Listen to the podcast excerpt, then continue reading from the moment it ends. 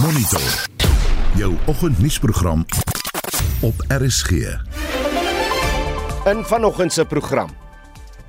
Our policies have, over the course of 30 years, lifted millions of people out of dire poverty. Today, fewer South Africans go hungry and fewer live in poverty. Prins, uh, president Cyril Ramaphosa fokus in sy staatsrede op die afgelope 30 jaar se suksesse. Ons vra ontleeders wat hulle dink. Tientalle onwettige elektrisiteitsverbindings is onlangs in Tshwane ontkoppel, maar die metro het sowat 1500 wanbetalers in sy versuur. En miljoene kiesers stroom na die stembus in Pakistan ondanks die onlangse vlaag van terreur en geweld. Welkom by Monitor die span in die ateljee is redakteur Joan Marie Verhoef, ons produksieregisseur is Johan Pieterse en ek is Udo Karelse.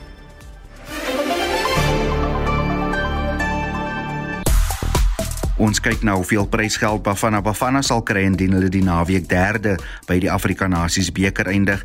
In cricket kan die vroue Proteas weer die naweek geskiedenis maak op hul toer na Australië en in die SA20 liga eindstryd is dit Durban en die Oos-Kaap wat mekaar die stryd gaan aansien.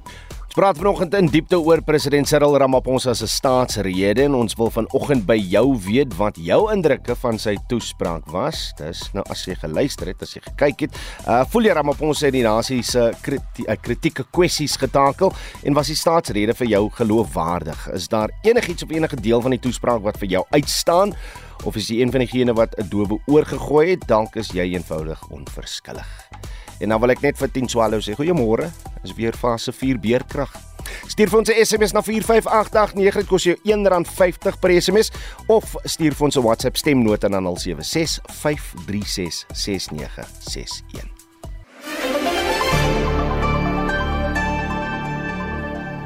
President Cyril Ramaphosa sê die regering kon oor die afgelope 3 dekades van demokrasie na die uh, hartverskeurende ongelykheid wat deur apartheid geskep is en geleenthede van mense ontneem het, verseker dat alle Suid-Afrikaners weer gelyke geleenthede gegee word. Die president het uh, dit gesê tydens sy 2024 staatsrede in die Kaapstadse stadsaal gisteraand. Estie de Klerk is hier by my in die ateljee en gee 'n terugblik van die staatsrede Moresti. Môre Oudo, Oudo van jaar se staatsrede was president Ramaphosa se geleentheid om te spog oor die prestasies wat die regering sedert demokrasie in 1994 bereik het. It is not enough to recognize the injustices of the past. We need to correct them. We have introduced laws and undertaken programs to enable black South Africans. We've also enabled women to advance in the workplace and to build up assets. The proportion of jobs in executive management held by black people have increased exponentially, almost fivefold between 1996 and 2016. Die president het 'n oorsig gegee van die 6 agtereenvolgende ANC-regering se pogings om die lewens van Suid-Afrikaners te verbeter. Our policies have, over the course of 30 years, lifted millions of people out of dire poverty. Today, fewer South Africans go hungry and fewer live in poverty. In 1993, South Africa faced a significant poverty challenge, with 71.1% of its population living in poverty. However, under the democratic government, the poverty rate had dropped to 60.9%, and it continued to decrease, reaching 55.5% in 2020, as reported by the World Bank. Nou Suid-Afrika word as die mees ongelyke samelewing in die wêreld bestempel en uh, met dit in gedagte het Ramaphosa verwys na die etlike uitdagings om die ekonomie te versterk. En hy het egter ook gesê Oudo dat die regering daarin kon slaag om die ekonomie te laat groei ondanks die uitdagings. Our economy today is 3 times larger than what it was 30 years ago. The number of South Africans who are in employment has increased from 8 million in 1994 to 16.7 million today. Over the last two years, the number of jobs being created has been increasing every quarter, and we now have more people in employment than before the pandemic. En dan kon die president natuurlik nie nalat om oor die energiekrisis te praat. Oor ons nou net gehoor, dis nou weer fase 4 beerdkrag, maar met beerdkrag wat vir 332 dae van 2023 toegepas het, is dit steeds elke dag 'n doring in Suid-Afrikaners se vlees, maar die president het gesê die herstrukturering van die energiesektor sal daartoe bydra dat die energiekrisis wel aangespreek word. We are confident that the worst is behind us and the end of load shedding is finally within reach. But we are not stopping there. To ensure that we never face a similar crisis ever again, we are reforming our energy system to make it more competitive, more sustainable, and reliable into the future. We are going to build more than 14,000 kilometers of new transmission lines to accommodate renewable energy over the coming years. Die president kon ook nie nalat om te praat oor die skerp stygende werkloosheid onder jong mense nie.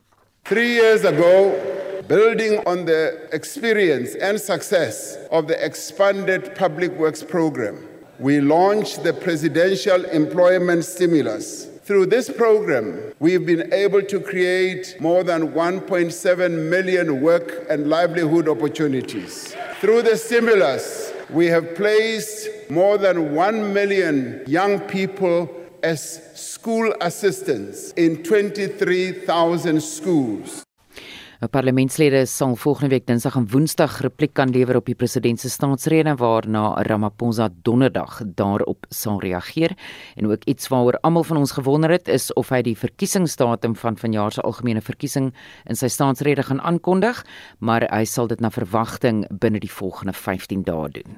En dit was estie met 'n oorsig oor president Cyril Ramaphosa se staatsrede vir 2024. Vir haar indrukke oor die staatsrede praat ons nou met professor Amanda Gous, sy se politieke ontleder aan die Universiteit Stellenbosch. Amanda, goeiemôre. Goeiemôre, Oude. Hierdie staatsrede sou maar altyd 'n uh, 'n uh, 'n uh, deel van die verkiesingsveld tog wees van die ANC, want as 'n jaar van 'n verkiesing, maar hoe vergelyk gisteraand se staatsrede met die van Ramaphosa se voriges? Wel, dit is dit is dieselfde, meer van dieselfde. Ehm um, elke jaar word ons doodgegooi met statistiek en ek dink hierdie sona moet bekend staan as die sona van die parallelle universum. Ehm um, want daar is die die inligting in die sona en dan is daar die werklikheid van mense wat lewe op die grond en daar is is nie uh, daar's 'n disconnect tussen die twee en ek het voorspel voor die tyd dat hy gaan allerhande goed blameer behalwe die ANC se swak regeerkunde soos hy het gepraat en gesê dat die dis 'n probleem van die globale ekonomie dis die probleem van die uh, oorlog tussen Rusland en die Oekraïne dis die hoefies in die in die Rooi See ehm um, en later het hy ook oor apartheid gepraat. So ehm um, en hy hy moes dit doen want uh, dit is 'n verkiesingsjaar en hy hy moet die suksesstorie vertel. Ehm um, maar die probleem is dat daar nie 'n uh, 'n geheel beeld gegee word nie. Elke staatsdepartement dra hulle inligting by tot die staatsrede. Maar as ons byvoorbeeld kyk na die paradokse in hierdie ehm um, staatsrede. Hy praat byvoorbeeld van hoe goed ons nou doen met onderwys en dat ons nou Hierdie jaar het ons 800 000 uh, matrikulante in ekonomie in ingesit en terselfdertyd sê hy dan ook dat ons uh, nog steeds een van die hoogste werkloosheidssyfers het. So daar's hierdie hele klomp paradokse in hierdie in hierdie sona en daar is nie 'n geheel beeld nie en daar is nie iets wat sê vir mense wat werklik in armoede leef. Ons het 'n ons het 'n 'n 'n 'n koste 'n lewenskoste krisis. Ons het nog steeds uh beerdkrag elke dag.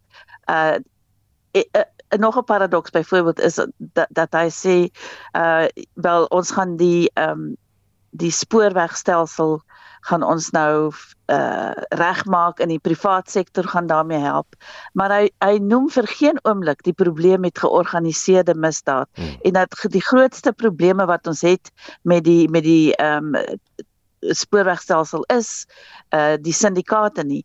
So ja, dit is 'n rooskleurige prentjie, maar dit is 'n totale disconnect uh met met wat op die grond aangaan. Die politieke partye gaan volgende week hulle geleentheid kry om vrae te vra aan die president. Ek is seker ons almal wat gekyk het, sit met ons eie vrae. Die een ding wat vir my uitstaan, ons het nou in die nuus gehoor, Nasionale gesondheidsversekering gaan nou in fases of soos hy sê inkrementeel toegepas word. Met so baie geld wat aan so iets bestee moet word, hoe doen 'n regering dit in fases? Want die werklikheid sal dan nie op dag 1 kan ooreenstem met 'n stuk wetgewing wat beloof as jy nie kan betaal nie, hoef jy nie. Ja, ek meen dit maak absoluut geen sin nie en en die die ek meen die groter uh, vraagstuk hier is die feit dat jy 'n privaat uh, openbare hospitaal en kliniekstelsel wat so vervalle is wat uh, in baie uh, plekke absoluut disfunksioneel is en nou wil jy almal soontoe stuur en jy wil meer geld van die belastingbetaler verhaal sodat jy dit kan doen. I mean ek my indruk is dat hierdie uh NHI is net 'n poging om meer geld uit die belastingbetaler te kry wat vir korrupte redes gebruik gaan word. So hoe mense dit inkrementeel kan doen, weet ek absoluut nie. Gee dan net vir ons weer eens daai mooi latynse bestempling van gisteraand se staatsrede en hoekom jy so sê? Die die ek sê dis die, die staatsrede van die parallelle universum, the parallel universe, hmm. omdat daar die inligting in die staatsrede is wat basies glad nie die werklikheid op die grond reflekteer. Professor Amanda Gous is 'n politieke ontleder aan die Universiteit Stellenbosch. Kom ons eh, skuif dan aan en in die aanloop tot gisteraand se staatsrede het ons verslaggewer in die Oos-Kaap, Fondiswa Plekude, met slagoffers van geslagsgeweld en misdaad in die provinsie se landelike gebiede gaan praat. Nou vroue in die gemeenskappe van Libode, uh, Ngamakwe en Tata sê hulle leef daagliks in vrees vir hulle lewens en sê die regering kan meer doen om die hoë vlakke van geslagsgeweld en vroue moord te bekamp. 'n 17-jarige slagoffer van die Mamfengwini gebied in Libode was 9 maande swanger toe sy in 2022 aangeval en verkrag is. Dit was egter nie die eerste keer dat sy verkrag is nie. Haar tannie, wat anoniem bly om die slagoffer se identiteit te beskerm, vertel van die hel wat haar kleiniggie moes deurmaak. She left the house to meet the father of the unborn child. On her way, she met the suspect who grabbed her and forced himself on her. He then stripped her naked and raped her. She came to me crying around 11 at night and told me she had been raped. When I asked her who raped her, she said she didn't know, but she described the clothes that the suspect was wearing. Die verdagte is later met die hulp van die gemeenskap vasgetrek en in hegtenis geneem, maar die slagoffer leef steeds in vrees. Sy wil hê die regering moet die bekamping van geslagsgeweld en vrouemoord prioritiseer. I wish the president can speak about the issue of women abuse. These criminals come to our homes and rape us. Sometimes we get beaten by our own children. There's just a lot going on. Some people even get killed.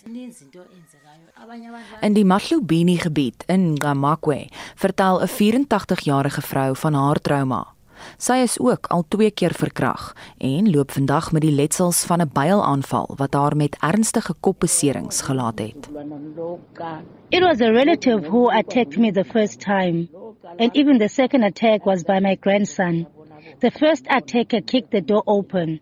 I still had my sight then and I could also hear his voice. That's how he got arrested. The second one also kicked the door open and started beating my daughter. I cried and he came to beat me. Blood was oozing out of my head. I crawled outside and called his mother because she stays close by. I said, we are dying here. Come and fetch your child. En Tata het baie vroue al hul huise verlaat uit vrees vir hul lewens. Nog 'n slagoffer, 'n 61-jarige vrou, is ook al twee keer verkrag. Sy sê sy is gelukkig, sy leef nog.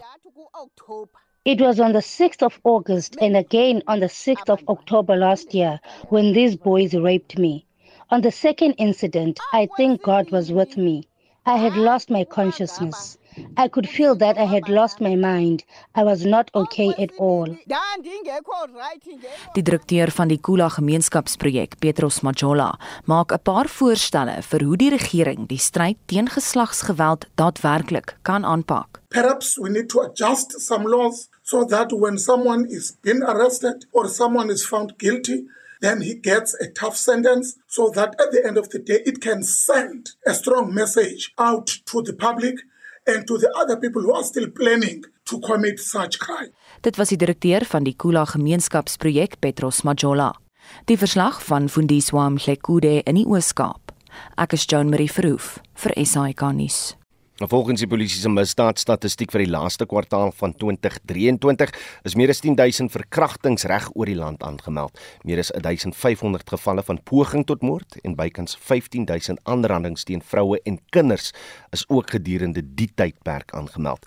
Die vraag is of die syfers enigsins 'n verbetering op vorige jare is en of die regering in die afgelope jaar vordering gemaak het in sy stryd teen geweld teen vroue en kinders. Ons praat nou met 'n senior dosent by die Departement Strategiese Kommunikasie aan die Universiteit Johannesburg, professor Corneille Duwys. Corneille, goeiemôre. Môre Oude. Jy het nou geluister na die pleidooi van vroue in landelike gebiede in die Oos-Kaap, is nou net een provinsie. Dit gee vir ons 'n duidelike idee oor die ernstige vlak van geslagsmisdaad in Suid-Afrika. Het ons president met sy woorde gister, na jou mening, die erns van die krisis benadruk? Oudo het omtrent niks gesê nie. Dit was om 'n sin of twee in terme van ons moet geslagsmisdaad bekamp, hmm. maar daar is glad nie daarop uitgebrei en daar is geen terugvoer gegee oor die vordering wat gemaak is oor die laaste amper 4 jaar met die nasionale strategiese plan nie. So die aksies is glad nie aangespreek nie. Net net vinnig wat hy wel oor gepraat het uh, is dat ek as man nou 'n eetverklaring moet doen teen geslagsgeweld. Uh, daar is blykbaar een vir vroue wat nou tans geskryf word. Weet jy van hierdie en kan dit moontlike tasbare verskil maak? Weet jy, die probleem is dat ons werk met lippetaal. Ons werk met watse verklaring, die die watter mans gaan dit doen en waar gaan hulle dit doen en wat gaan die impak daarvan wees? As jy kyk na die syfers waarmee ons werk, En as jy kyk byvoorbeeld na die die mediese navorsingsraad en na genderlinks en en wat gesê word oor die aanmelding van geslagsgeweld, is dit 1 uit 20, 1 uit 25 selfs wat aangemeld word. Onthou ons sit met die probleem dat geslagsgeweld nog steeds in die familie voorkom hmm. en dat dit nog steeds 'n uh, 'n uh, stigma het en daarom word dit nie aangemeld nie. So as ons nie fundamenteel die waardesisteme aanspreek en en enorme verander in die samelewing nie. Hoe gaan pleidooie en en hierdie soort van goed enige verskil maak? Nou konne ek en jy het nou die afgelope paar jaar sedert die laaste belofte gereeld weggepraat. Ehm um, hmm. herinner net weer.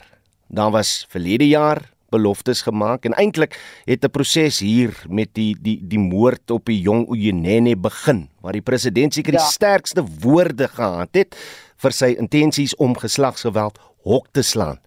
Daar's aksie wat daarby moet kom. Hoeveel van 'n aksie is daar uitgevoer? Wat is verrig sedertdien? Weet jy Oudo, ek is nou besig met 'n verslag. Ek werk met uh, die Teersfondasie se se navorsing wat ons gaan vrystel binnekort en ek lees die verslag van die kommissie vir geslagsgelykheid oor die nasionale uh, strategiese plan en die raad wat veronderstel was om al in plek te wees. En as ek so na hierdie verslag kyk is daar wynige uitkomste wat gelewer is in hierdie plan. Daar is 'n lang lys van strategiese doelwitte en wat gedoen moes word. Hmm. maar ek sien nie waar enige van hierdie aksies nog uh uh uitgevoer is nie. Dit dit is nog op skrif. Die raad is nog nie eens saamgestel nie. Wanneer die raad wel saamgestel word, gaan dit bestaan uit 10 regeringsdepartemente. As jy kyk na die verslag van die Instituut vir Veiligheidsstudies wat in 2017 uitgereik is.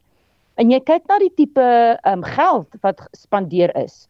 126 miljard op die regstelsel waarvan die meerderheid aan polisie spandeer is wat op daardie stadium teen 139% gegroei het. Maar geen beter polisiewerk wat gedoen is nie. Ehm um, so ons sit met baie dinge op skrif. Maar in die werklikheid sien ons dit nie. Ons ons sien nie waar waar is die resultate nie. En dit was 'n senior dosent by die Departement Strategiese Kommunikasie aan die Universiteit Johannesburg, professor Corneille Duwys. Vir reaksie van die burgerlike samelewing begin ons nou met die uitvoerende voorsitter van die Kaapse Forum, Heinrich Weingart. Môre Heinrich. Môre Udo en ook goeiemôre aan die luisteraars. Voor ons praat oor jou algemene indrukke, kan nou nie onthou of die president enigsins geraak het aan die afwendeling van mag in enige vorm aan aan die provinsies nie. Het hy? Nee, jy het baie goed geluister, Udo. Hy het nie naaste by daarbey uitgekom nie ten spyte daarvan dat ons grond, grondwet voorsiening maak vir die afwendeling van magte. En meer is dit, julle is julle is grondwetlike hof toe, julle is konstitusionele hof toe daaroor. Inderdaad, en die hof het toegesê ons moet net eers toelaat dat die parlementêre proses wat veronderstel is om aan die gang te wees oor die wysigingswetsontwerp oor die verkiesingskommissie afgehandel word en dan moet ons terugkom hof toe as daai proses nie die gewenste resultate oplewer nie. Reg as burgerlike organisasie gaan julle nou natuurlik nie binne die die debat uh oor die staatsrede sit nie, maar as daar sekere vrae is wat julle kon rig aan die president na gisteraand, wat sou dit wees? Ek dink ek sal begin omdat Kaapse Forum 'n organisasie is wat fokus op plaaslike gemeenskappe en dan in die besonder plattelandse Afrikaans sprekende breingemeenskappe.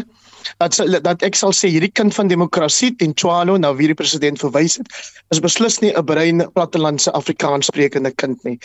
Vir daai kind se wag sy ouers nou vir die afgelope 30 jaar steeds op de, op 'n huis op die behuisingswaglys. Uh, dis dis die kind wat die laaste oorweeg sal word wanneer daar toelating gegee word by um, sê nou maar um, by die toekenning van uh, Nasfas beurse. Dis 'n kind wat selfs al kry sy ouers se maatskaplike toelaag as dit steeds nie geld noodwendig in die huis vir ander skoolbehoeftes nie. Die kind is dalk nie eens in 'n kleuterskool of 'n speelskool nie en dan wanneer die kind wel dit reg kry om die skool suksesvol te verlaat, sal daai kind agter in die ry staan as dit kom by werks uh, toekenning want daar is wanneer die president verwys het 'n ding soos 'n uh, billike indiensneming wat ongelukkig daai kind op 'n onbillike wyse in die werksplek hanteer omdat die kind bruin is en nie swart nie. Andre Weingart is die uitvoerende voorsitter van die Kaapse Forum. Ons skuif aan in die organisasie teen belastingmisbruik Outa het die pro, uh, uit die proses die uh, uit protes liewer die staatsrede geïgnoreer. Outa het in die aanloop tot die uh, president se toespraak gisteraand Suid-Afrikaners gevra om dit ook te doen om uh, luisteraars ons luisteraars vraag vanoggend natuurlik vra juis of daar landsburgers is wat aangeslaan het om Outa se versoek. Intussen praat ons nou met die hoof van Outa se afdeling vir verantwoordbaarheid advokaat Stefanie Fikmore Stefanie. Goeiemôre. Professor Pieter Dievenage het so mooi uh aan Spectrum gister gesê dis jammer dat mense in die land so onmoedig is om na die staatsrede te luister. Hoekom het julle besluit om die toespraak te ignoreer? Dis elke jaar presies dieselfde en hierdie jaar as ek nou luister na na al die gaste was nou nog dis ons het 'n verkiesingsjaar. So dis half hierdie van wie is die mooiste en hoekom is dit ek? Ons het glad nie die, die, die dit wat realiteit op die grond is en dit wat wat nou na bewering ge, ge, ge, ge, oor gepraat is, kom glad nie by mekaar uit nie. Reg, kom ek fluister gou in jou oor want jy het nou nie geluister nie. As dit kom by korrupsie, spesifiek met betrekking tot staatskaping, sê die president 12 miljard rand is weer terugbetaal aan die regering en 200 hoë profiel vervolgings vind tans plaas. Is dit nie goeie nuus nie, Stefanie?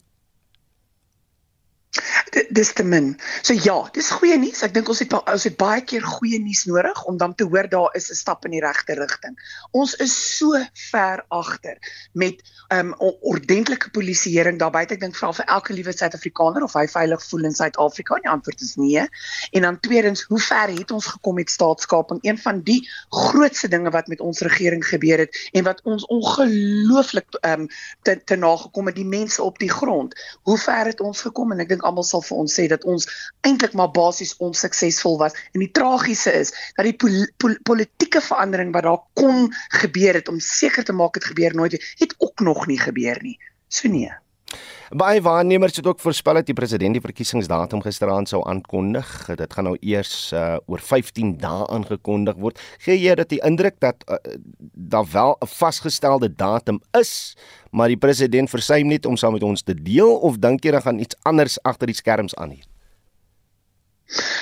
Waarskynlik 'n kombinasie mense weet in vandag se tyd weet mense nie en ons ons moet maak maar altyd raai. Ek dink tog ehm um, dat hulle wag, daar's nog sekere goedjies wat moet in plek val. So hy het nou 15 dae na Sona en soos wat ek dit verstaan, het die president nog nooit op 'n Sona toespraak die datum bekend gemaak van die verkiesing nie. So wat dit betref is dit niks snaaks nie. Maar ek dink tog hulle sukkel nog. Hulle moet van die van die wetgewing moet nog in plek geplaas word vir vir ons onafhanklikes ensovoorts ensovoorts. So ek dink die minister ag die die president wag vir sy ministers om te sê alles is nou in plek jy kan nou maar die datum aankondig. En dit was advokaat Stefanie Fikkie hoof van Auto se afdeling vir verantwoordbaarheid.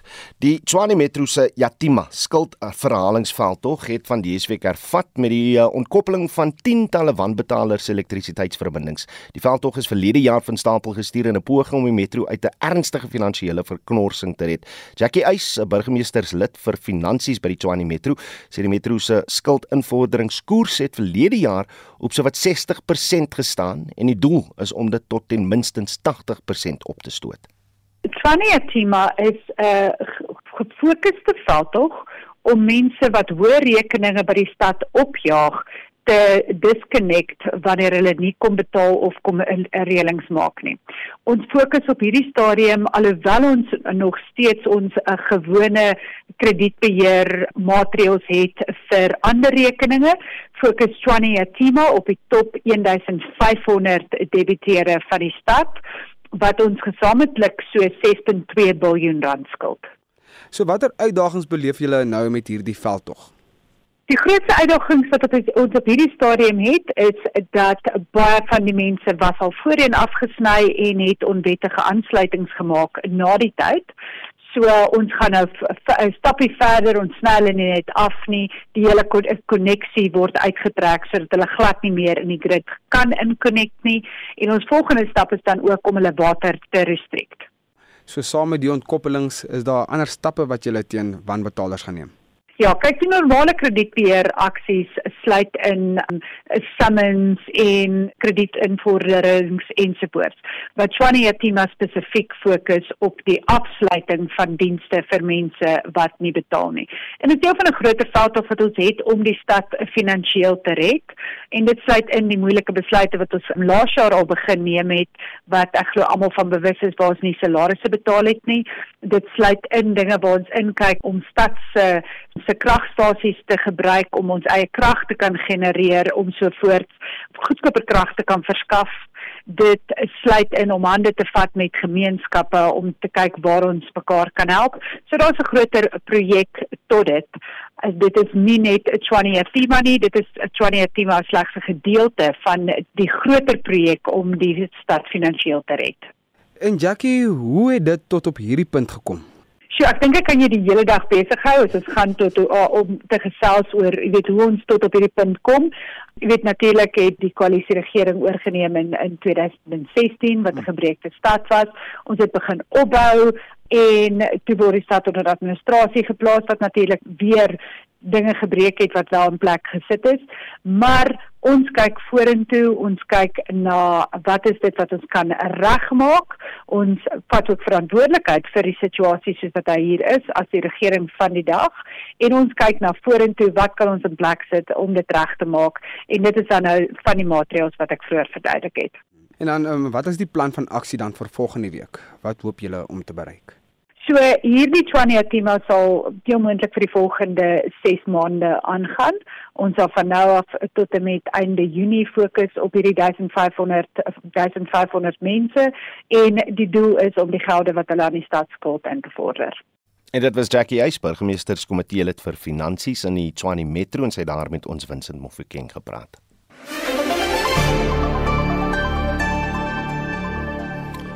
Minstens 28 mense is Woensdag op die vooraand van gister se verkiesing in Pakistan dood in twee bomontploffings. Ten spyte van die geweld het miljoene kiesers egter gister na die stembusse gestroom in 'n verkiesing wat deur talle ontleeders as die minste geloofwaardige verkies uh, geloofwaardige verkiesing tot dusver bestempel kan word. Die verkiesing in Pakistan is gehou byna 2 jaar nadat die land se eerste minister Imran Khan deur 'n mosie van wantroue uit die kussings gelig is. En ons praat nou hieroor met 'n politieke ontleder aan die Universiteit van Pretoria, Roland Hen Kenwood. Roland, goeiemôre.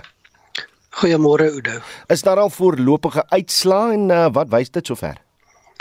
Daar's baie min uitslae bekend sover en dit wat ons gesien het wys dat die partye kop aan kop is. Ek dink dit is net eenvoudig te vroeg om afleidings te maak.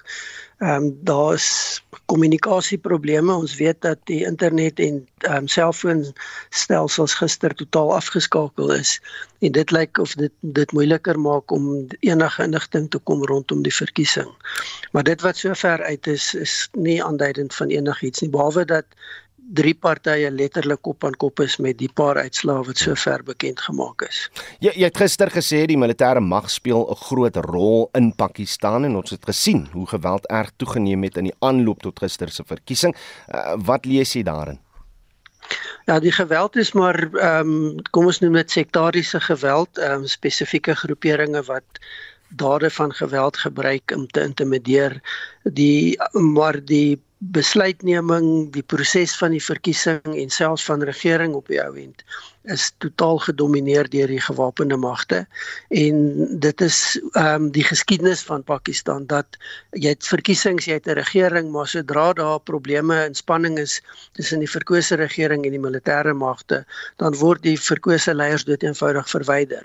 Gewoonlik 'n mosie van wantroue, ehm um, samewerking van partye wat nooit regtig met mekaar saamwerk nie en dan is daar skielik 'n emosie van wantrou. Ons het gesien hoe dit gebeur het met Imran Khan hmm.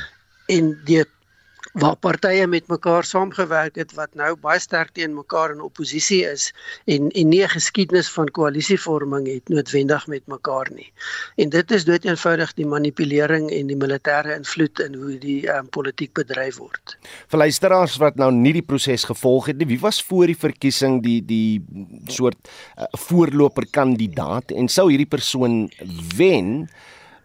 Wat dink jy sou dan gebeur met die verhoudings tussen Pakistan en en en die ander uh, kernkrag uh, mag Indië?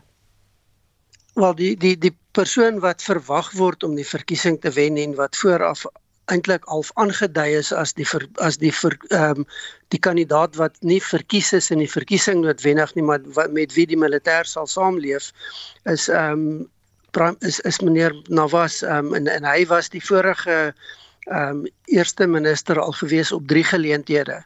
En en hy het 'n verhouding van samewerking en dan uitvalle met die regering en dan word hy uit die mag verwyder.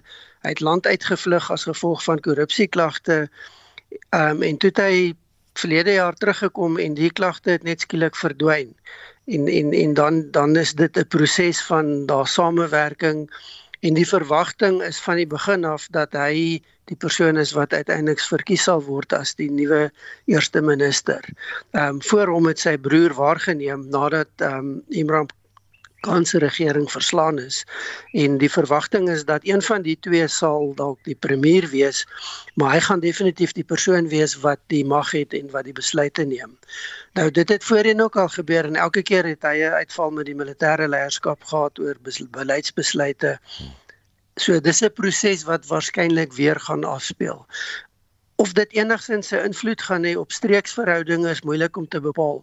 Ons het gesien in die afgelope maande daar baie groot spanning was oor en weer aanvalle tussen Iran en in Pakistan omdat daar baie groot veiligheidsprobleme is, swak grensbeheer, moeilike grensgebiede en dit word misbruik van alle kante van albei kante af vir terreurorganisasies, kriminele netwerke, So dit is waarskynlik maar die patroon wat gaan aanhou voortduur. Ehm um, tensy daar iets baie dramaties in die streek gebeur. Ons kan verwag dat spanning met Indië sal bly voortduur oor die beleidsbesluite wat Indië neem binne die streek, maar of dit gaan lei tot militêre konflik is onwaarskynlik. Pakistan het eenvoudig nie die vermoë om dit te doen nie. Ehm um, maar wel 'n tipe van 'n politiek van spanning wat hulle bedryf en dit sal waarskynlik aangaan. Waar staan Pakistan ten opsigte van die konflik in die Midde-Ooste tussen Gaza en Israel? Pakistan is op die stadium nie so hoë profiel rol gespeel soos wat mense dalk sou verwag nie.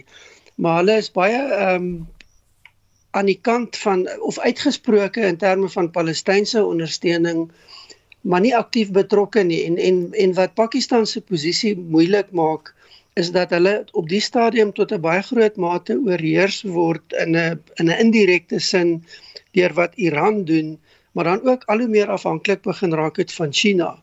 en nie sommer optrede neem wat wat gaan spanning bring in daardie konteks nie.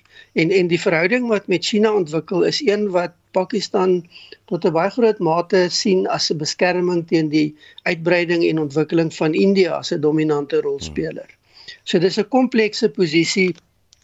Ehm um, ons sien ook dat daar 'n geskiedenis van samewerking, maar ook 'n geskiedenis van konflik met Afghanistan.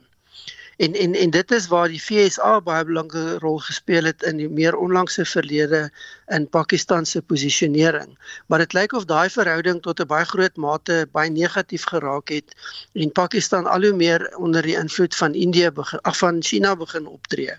En en en nie meer enigsins omsteer of direk steur aan wat die FSA byvoorbeeld sou verkies of sou doen en en steun wat uit die FSA sou kom nie. Roulin en bedank vir tyd om monitor hy se politieke ontleder aan die Universiteit van Pretoria. Nou Lien Rautenbach van Johannesburg wat reeds jare lank persiese matte invoer en verkoop het Woensdag vanuit Pakistan terug in Suid-Afrika aangekom. Ons praat nou met haar vir 'n idee oor die atmosfeer en die aanloop tot die verkiesing. Lien, goeiemôre.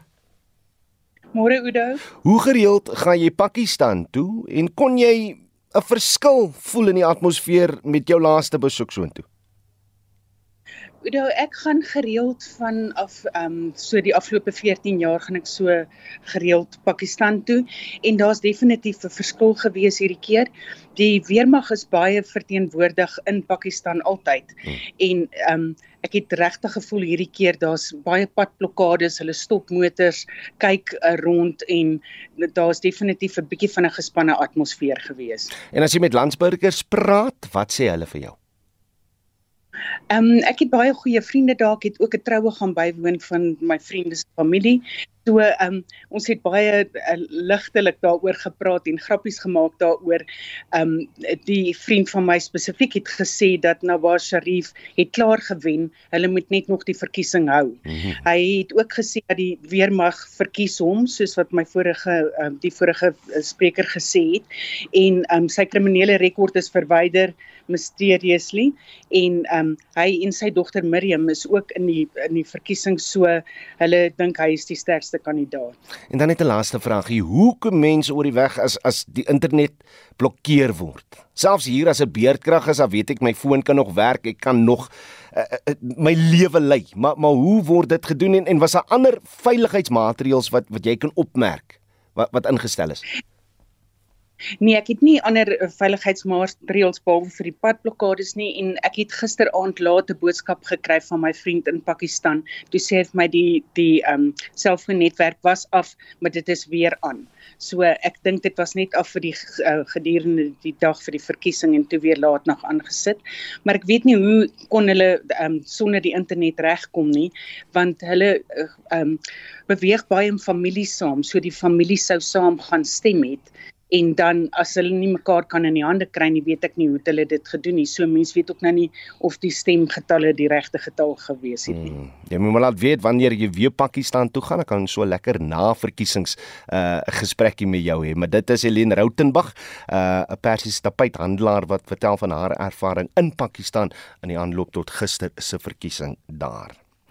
Nou Eskom se herstelwerk in die sentraal Karoo na Saterdag aan se massakragonderbreking is uh, opdreef. Elektrisiteitstoevoer sal na verwagting teen volgende donderdag herstel wees. Die Wes-Kaapse regering het in 'n verklaring gesê hy monitor die situasie en prioritiseer tans veilige drinkwater en toegang tot kritieke gesondheidsorg vir inwoners wat hierdeur geraak word. Die wydverspreide kragonderbreking het die dorpe van Roggeveld, Lensburg, Ladysmith, Liugamka, die Swartberg, Maatjiesfontein en omliggende gebiede getref. Die Wes-Kaapse premier Allan Windey sê die herstelwerk is 'n reuse taak. Allan Windey, goeiemôre. Goeiemôre. Kom ons begin eers net met waar kragtoevoer nou al reeds herstel is. So ons het uh, Saterdag 'n uh, paar groot storms gehad en uh, daar was krag af in die in die Oeverberg, Oeverstrand uh, streek as ook die Karoo in bo in tot in die in die ehm um, in die Noord-Kaapse kant ook. Ehm um, in in die Oeverstrand was dit uh, eergister aand so middernag was krag weer aan. Dit was 'n uh, dit was lightning wat dit in die, in die storm wat dit veroorsaak. Uh in die in die Karoo, ons het sewe van daai groot staal kraglyn uh uh uh pylons verloor. Ehm um, een het geval en dit die ander afge, afgetrek saam met hom. En ehm um, dit is 'n uh, uh, dit is 'n baie groot. Dit is amper soos 'n total blackout in die in die omgewing. Ehm um, so dit is baie baie erg. So so net weer eens, waar is kragtoevoer nou in daai streek in die Karoo weer herstel? OK, so dit, dit is nog nie herstel nie. Dit is nog af. So dis baie dorpe in die Karoo wat uh, wat nie krag het nie. So uh, ons praat van Vryseburg en Ladysmith, uh, Lyngsburg, Leeugamke, Maatjiesfontein, Merwewil, uh, Prins Albert, Rogger uh uh veld uh ehm um, en in en in Swartberge en daai hele streek is nog steeds af.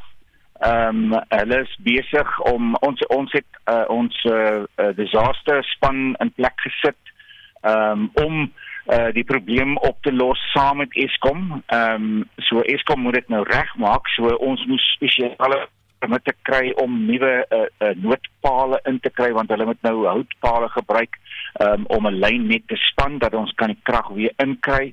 Ehm um, ons moes uh, ekstra groot kragopwekkers uh deurstuur deurstuur van ander munisipaliteite ehm um, want ons moes ons ons het amper soos in die blackout uh planne wat ons in plek gesit het as jy weet ons het daai plan as die as die hele van Eskom afgaan ons het daai selfe stelsels dan ingesit waar ons van van kommunikasie op die een kant tot gesondheid hmm. uh, tot onderwys tot voedselsekuriteit Ehm um, daar is uh, ons hou elke oggend ehm um, uh, uh, ons noodvergaderings twee keer 'n dag is die is die ehm um, rampbestuur mense uh, saam met Eskom in die vergaderinge. So dit is 'n groot groot probleem vir die mense in daai streek en ehm um, hulle het voorspel dat dit gaan nog 'n hele week se uh, krag afwees. Hmm.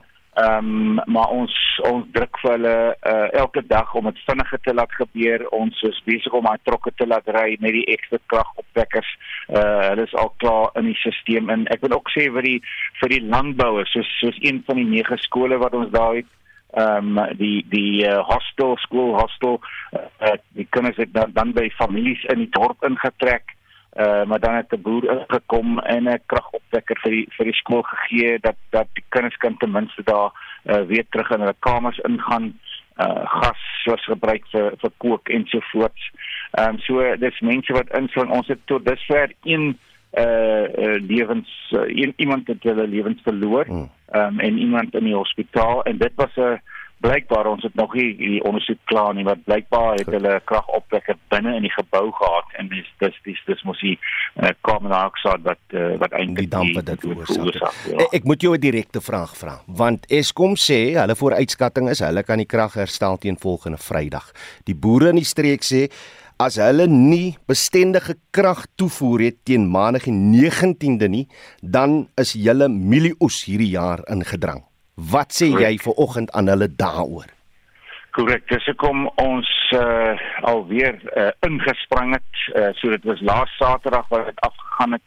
Um, ons is so van die van die naweek af tot in die hele week.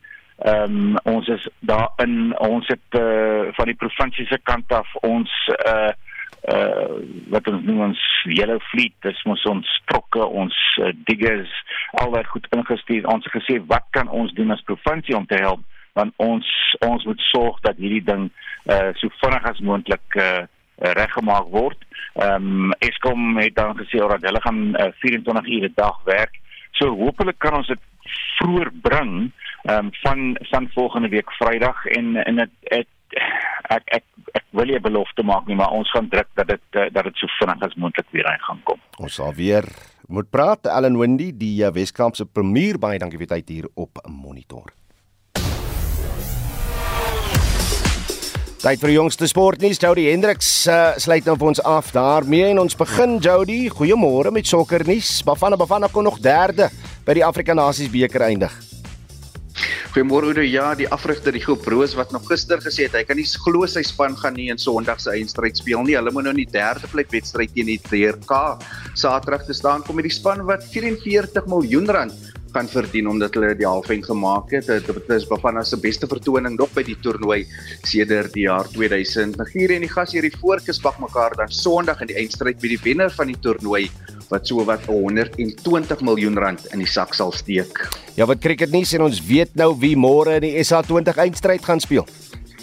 Ja, gisteraan was dit 'n superkragmeting op die Wanderers, maar dit was die Durban Super Giants wat in 69 loop die sege oor die Joburg Super Kings behaal het. Dit grootliks te danke aan Hendrik Klaasen en Bian Mulder wat uitgeblink het met die kolf. Nou Faf Du Plessis die lood gewen en die Super Giants ingestuur om eer, eerste te kolf. Hulle het 211 vir 6 aangeteken. Klaasen 74 van 30 balle, Bian Mulder 50 nie uit nie.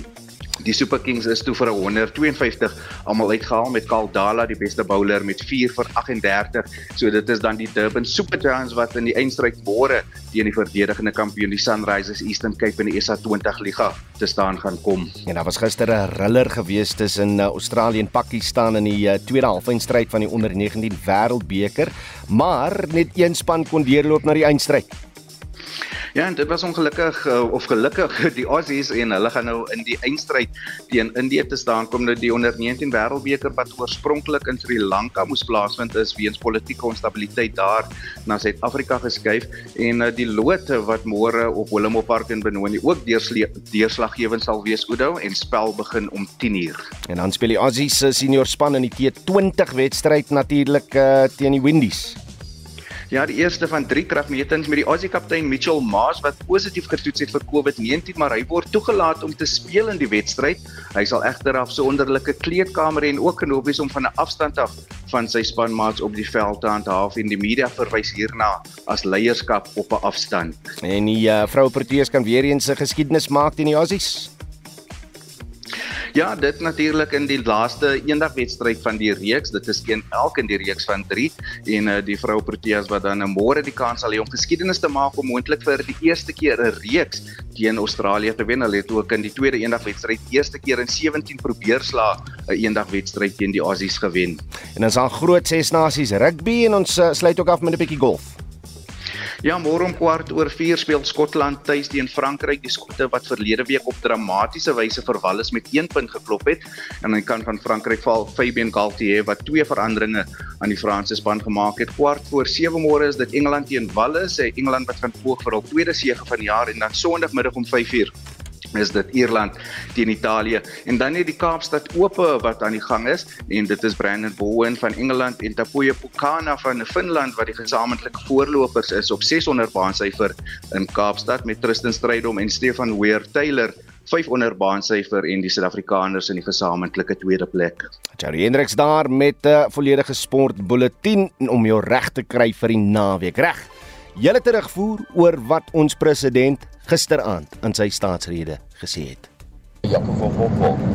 My sentiment van die president se sonne kan ek as volg opvat deur die president aantal en 'n vraag te vra. Hy wil ons terugvat na 'n wêreldklas land met wêreldklas infrastruktuur. Meneer die president, wat het gebeur in 30 jaar? Praat jy 30 jaar se val van die ANC in die harde as enige leebelofte wat jy maak in jou toespraak? Jon Becker van Alberton, ons president se sogenaamde staatslede was niks anders as 'n verkiesingstoespraak waar hy in desperaatheid en met strooihalmpies gegryp het na die uitsluitlike steun en stem agter die ANC vir die 2024 algemene verkiesing wat voorlê.